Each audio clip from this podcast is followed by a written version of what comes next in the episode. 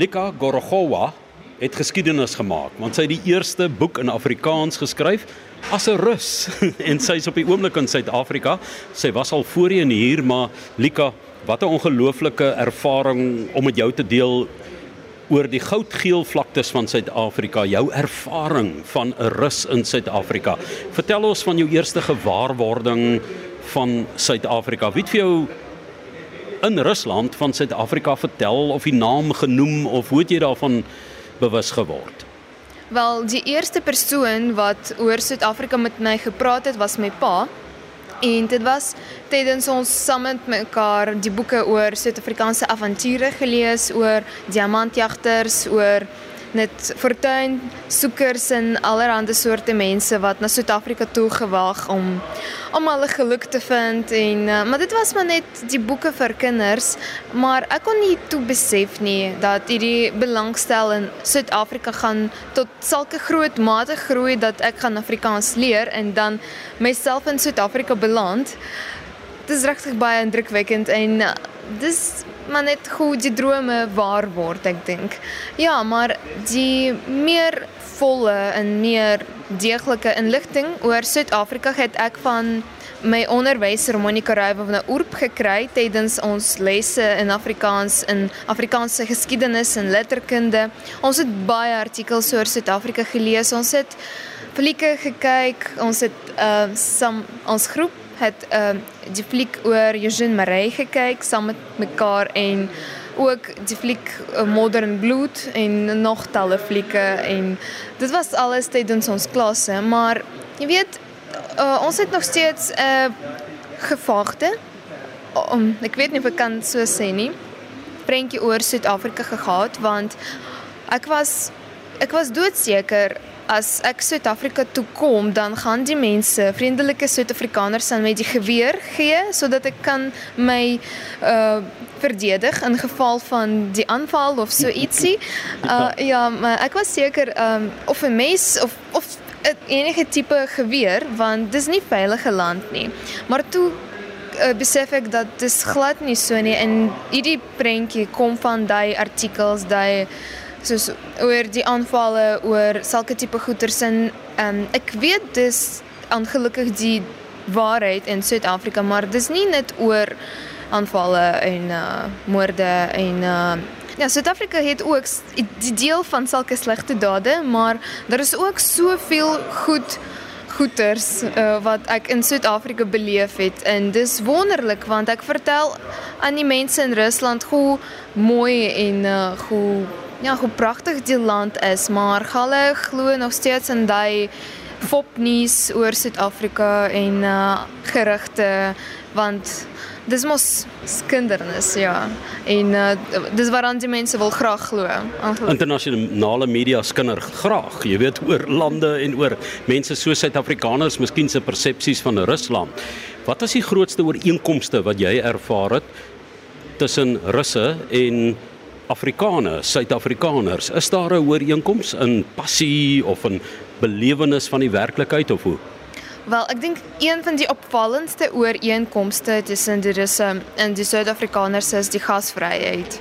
En die lief vir oop vlaktes, oop plekke. So tydens ons reis van Johannesburg na Kaap Ons het baie deur Karoo vlaktes gery. Soos die meeste van ons weg was deur hierdie gebiede en selfs Wesel Oosthuizen en Heidi en alle Suid-Afrikaners, hulle kan nie ophou deur die venster te kyk nie want dit is net so mooi en ek kon nie ook ophou kyk nie hoe mooi die natuur en die landskappe is nie. En oor die gasvryheid soos um, ek het al gesê, die mense die russe en die Suid-Afrikaners beide gou van gaste, gou van stories, gou van goeie grappe en party is ons grappe baie baie naby mekaar en dis ook wat 'n mens rus laat so goed voel in Suid-Afrika want jy voel asof jy onder die vriende is sommer dadelik. Lika, 'n belangrike ding wat ek geleer het in my reis tussen Moskou en Sint Petersburg, daar's 'n bietjie spanning tussen Moskou en Sint Petersburg oor die kulture, soos byvoorbeeld Pretoria en Kaapstad of Johannesburg en Kaapstad, soos ons rugby en ons sport en so. Maar wat vir my interessant was is dat die Russe se humor. Ek neem dit sommer terug na die drama byvoorbeeld, jy weet van bekende Russiese dramaturge wat humor het wat Suid-Afrikaners soms nie verstaan nie en partykeer wanneer Suid-Afrikaners uitbundig lag kry jy dit nie onder die russe nie. Hulle het 'n ander manier van humor hanteer. Ek sal 'n grappie vertel, maar jy sal nie skaterlag nie. Of as jy in die pad stap en iemand oor kan en jy glimlag of so dat hulle dit verkeerd of anders kan interpreteer. Dit was nogal vir my 'n uh, verskil tussen die twee kulture. Ja, nee, en ek dink uh as 'n persoon begin hierdie grappe verstaan van die ander kultuur van 'n ander taal, dan raak jy 'n regtig baie gevorderde spreker en byvoorbeeld ek het tydens my eerste week in Suid-Afrika in Pretoria Nathaniel se vertoning besoek. Dit was uh, tydens Aardklop fees en hy het baie ek weet ek was seker ek kon dit selfs voel hy het baie grappe vertel maar party grappe was ongelukkig net verby en en kon nie hulle regtig selfs hoor nie. Ek het gehoor ander mense lag en ek het verstaan daar is so iets snaaks wat uitgespreek word, maar ek moes baie keer vir my vriend vra wat vir my Afrikaanssprekende vriend wat aangaan en byvoorbeeld uh, daar was 'n grap oor Mrs Bowles chutney en sulke goeters en ek was nie seker nie waaroor gaan dit maar toe leer ek soos die hele storie maar uh, nou ek maak graag die grappe hieroor en die mense rondom my lag en uh, dis dieselfde geld as jy gesê het in Russes. Ehm um, as jy as jy regtig 'n persoon wil benader, jy sal selfs hierdie verskille in hierdie grappe en humor want dis so iets wat baie spesifiek uh, die kulture verdeel. Dis en dis 'n uh, baie spesifieke merke van elke kultuur, maar as jy moeite maak om hulle te leer, jy gaan dit leer en jy gaan dit gebruik en jy gaan regtig voel dat die mense die buitelanders raak so naby aan jou. 1899 tot 1902 was die ehm um, Suid-Afrikaanse oorlog of Anglo-Boereoorlog en Russe het kom veg in Suid-Afrika. Lenin was toe pro-boere daardie tyd as gevolg van die wêreld wil ek nou sê politiek. Intussen het dinge mos nou baie verander. Kapitalisme, kommunisme en die hele koue oorlog en goed waarin Suid-Afrika ook ingesuig is. En daar't 'n groot kloof eintlik tussen Suid-Afrika en Rusland gekom na daardie eeu. Jy het intussen byvoorbeeld Afrikaans aangeleer. Hoe dit gebeur? O, baie dankie vir hierdie vraag. Ek gou baie om hierdie storie te vertel want ek dink dis dis maar net 'n goeie kans en uh, die besluit wat was in 'n oomblik geneem. Um ek moes die taal kies wat ek gaan vir 4 jaar aan die universiteit leer en ek was seker ek gaan of Turks of Pers kies want hierdie tale het baie vooruitsigte. As jy al goed kan praat dan gaan jy maklik die werk kry, jy gaan baie geld maak en jy gaan net algemeen suksesvolle mens word. Maar toe hoor ek Afrikaans en ewe skielik besef ek dat ek gaan die taal net hierdie taal leer want dis dis Maar net so so mooi, so melodies vir my. Was dit maklik? Wel, nee, as jy dit regtig wil leer, regtig op op 'n goeie vlak, dan is dit nie maklik nie. Besonder die uh, woordorde. Dit was vir my een van die moeilikste dinge en lidwoorde. So dit kan baie snaaks of um, vreemd vir uh, die uh, Afrikaans sprekende persoon klink, maar ons het nie lidwoorde in Russies nie. En dit vat baie tyd om hierdie begrip te verstaan en begin regtig gebruik en uh, ja, nee, daar is nog klompie sulke onderwerpe in Afrikaans wat laat elkeen sukkel, maar as jy moeite doen dan gaan jy alles bas raak, ek dink so. Jy het studeer in Moskou. Ja, in Moskou 4 jaar onder wie hoe dit gebeur. Die naam van my Afrikaanse professor is Monica Raivovna Urp.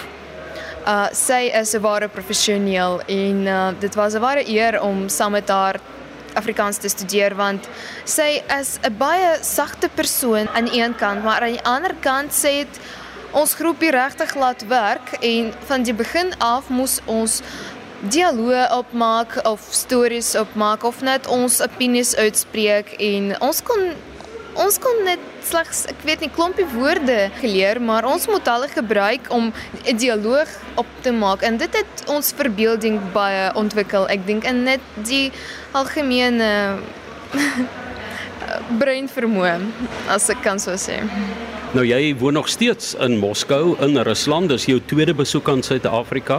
So jy het eintlik jou Afrikaans geleer in Moskou. Jy het nie die blootstelling gehad in 'n beroep byvoorbeeld in Suid-Afrika nie. So jou aksent is indrukwekkend, jou taalgebruik is indrukwekkend en so, maar ek verstaan dat jy tog 'n aanleg vir tale het en ek wil vir jou vra om dit te demonstreer deur Alexander Pushkin. O, baie dankie vir hierdie moontlikheid. Ek sal graag aan ons liewe luisteraars die gedig wat deur een van die beroemdste Russiese digters, Alexander Sergeyevich Pushkin geskryf word vertel. En ehm um, ek gaan eers in Russies dan in Frans want Frans was amper die eerste taal van Pushkin want op daardie oomblik die aristokrate van Rusland kon Frans selfs beter as Russies praat. So dan Engels en dan in Afrikaans om sodat die luisteraars die goeie насмак, или gevoel kon voel. ja. Я вас любил. Я вас любил. Любовь еще, быть может, душе моей угасла не совсем.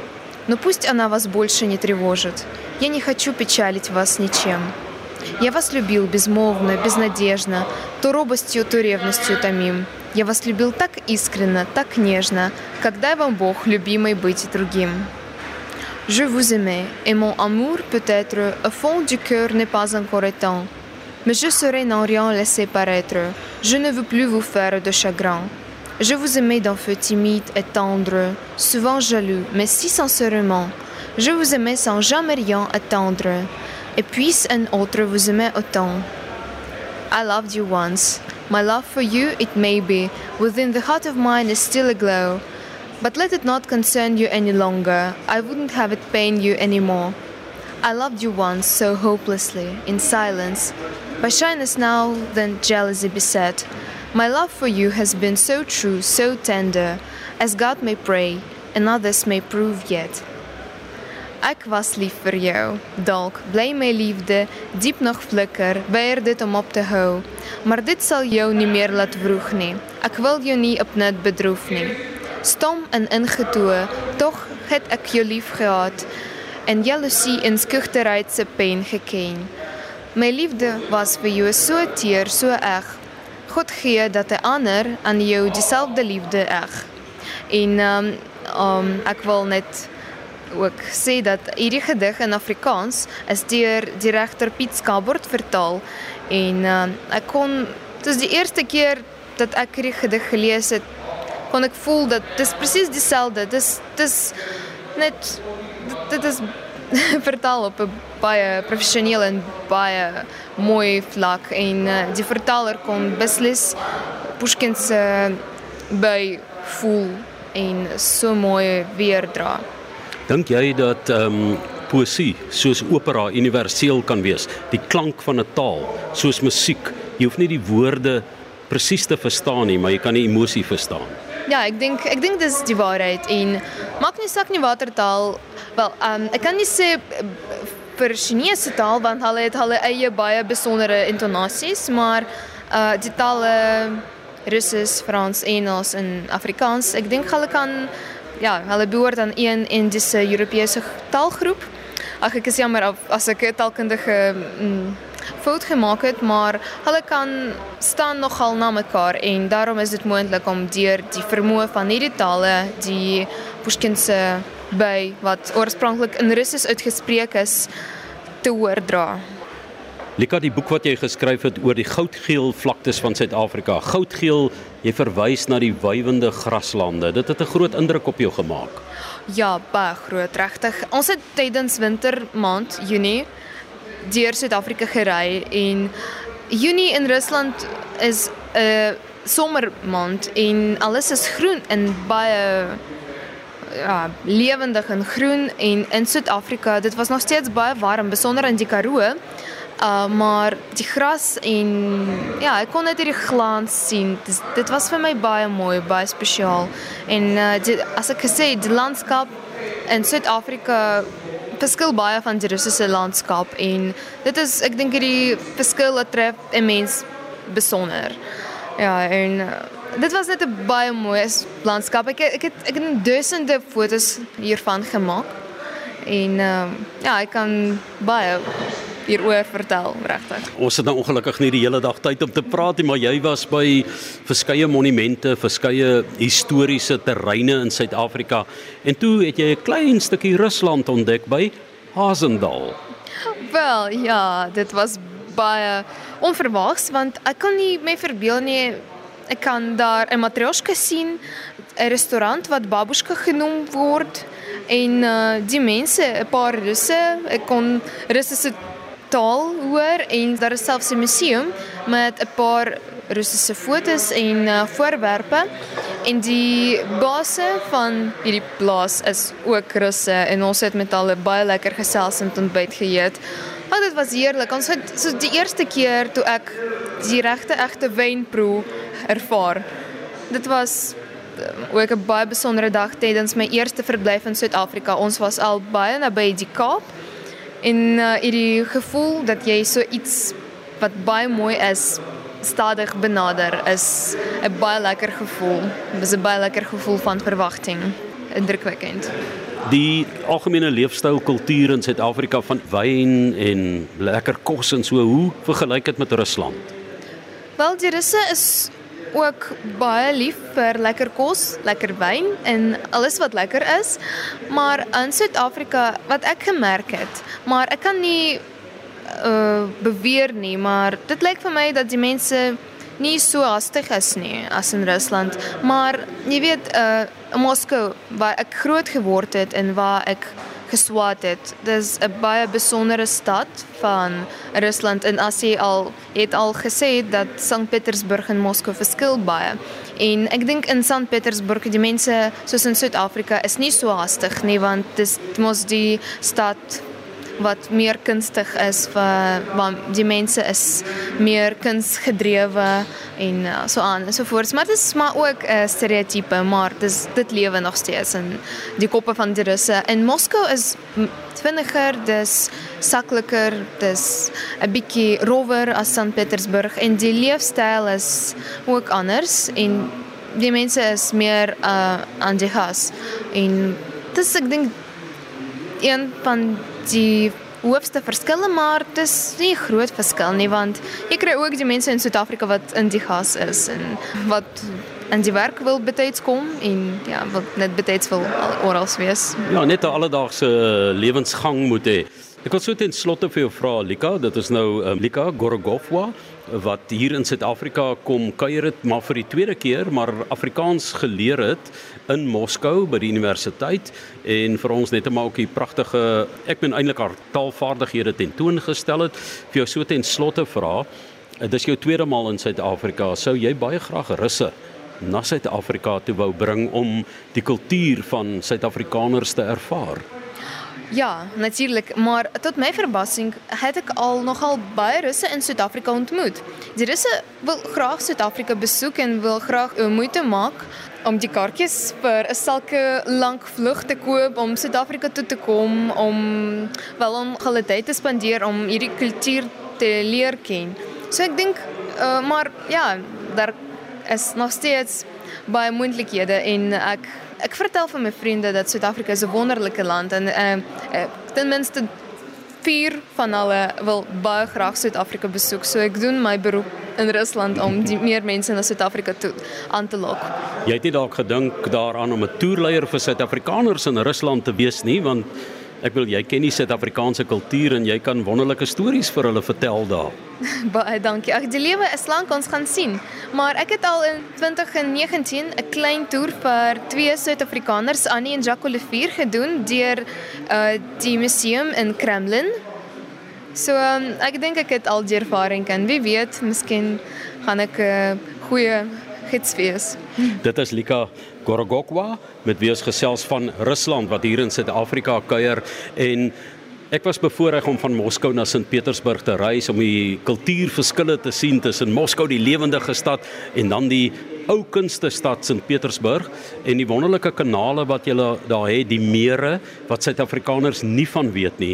En natuurlik wanneer mense kyk na ehm um, die wêrelddruk op byvoorbeeld die koolstofspoor en die goed, speel Rusland 'n baie belangrike rol. Hulle is 'n geweldige groot land, maar hulle is ook 'n geweldige groen land, hè? Wel ja, daar is baie woude, daar is baie mure en uh, baie natuurreservate. Ag, tot tot ek dis jammer, ek was net in 'n paar plekke in Rusland. Dis regtig so groot en om te dink Die afstand van Moskou na Kaapstad is minder as van Moskou na Vladivostok. So dis regtig ek is op my land. Dit is so groot en dis wonderlik en daar is ook baie verskillende gebiede. Soos in Suid-Afrika, jy kry die Karoo, dan is Klein Karoo 'n ander tipe gebied en in Rusland is selfs So dis die noordelike natuur, dis die noordelike skoonheid, maar uh, dis nog steeds baie mooi en uh, ja, ek dink Rusland is 'n groen land en um, as jy al in Suid-Afrika 'n bietjie meer groen wil sien en um, bewonder dan kom asseblief Rusland toe. In die somerseisoen. Ja, asseblief. In winter dit gaan wit wees.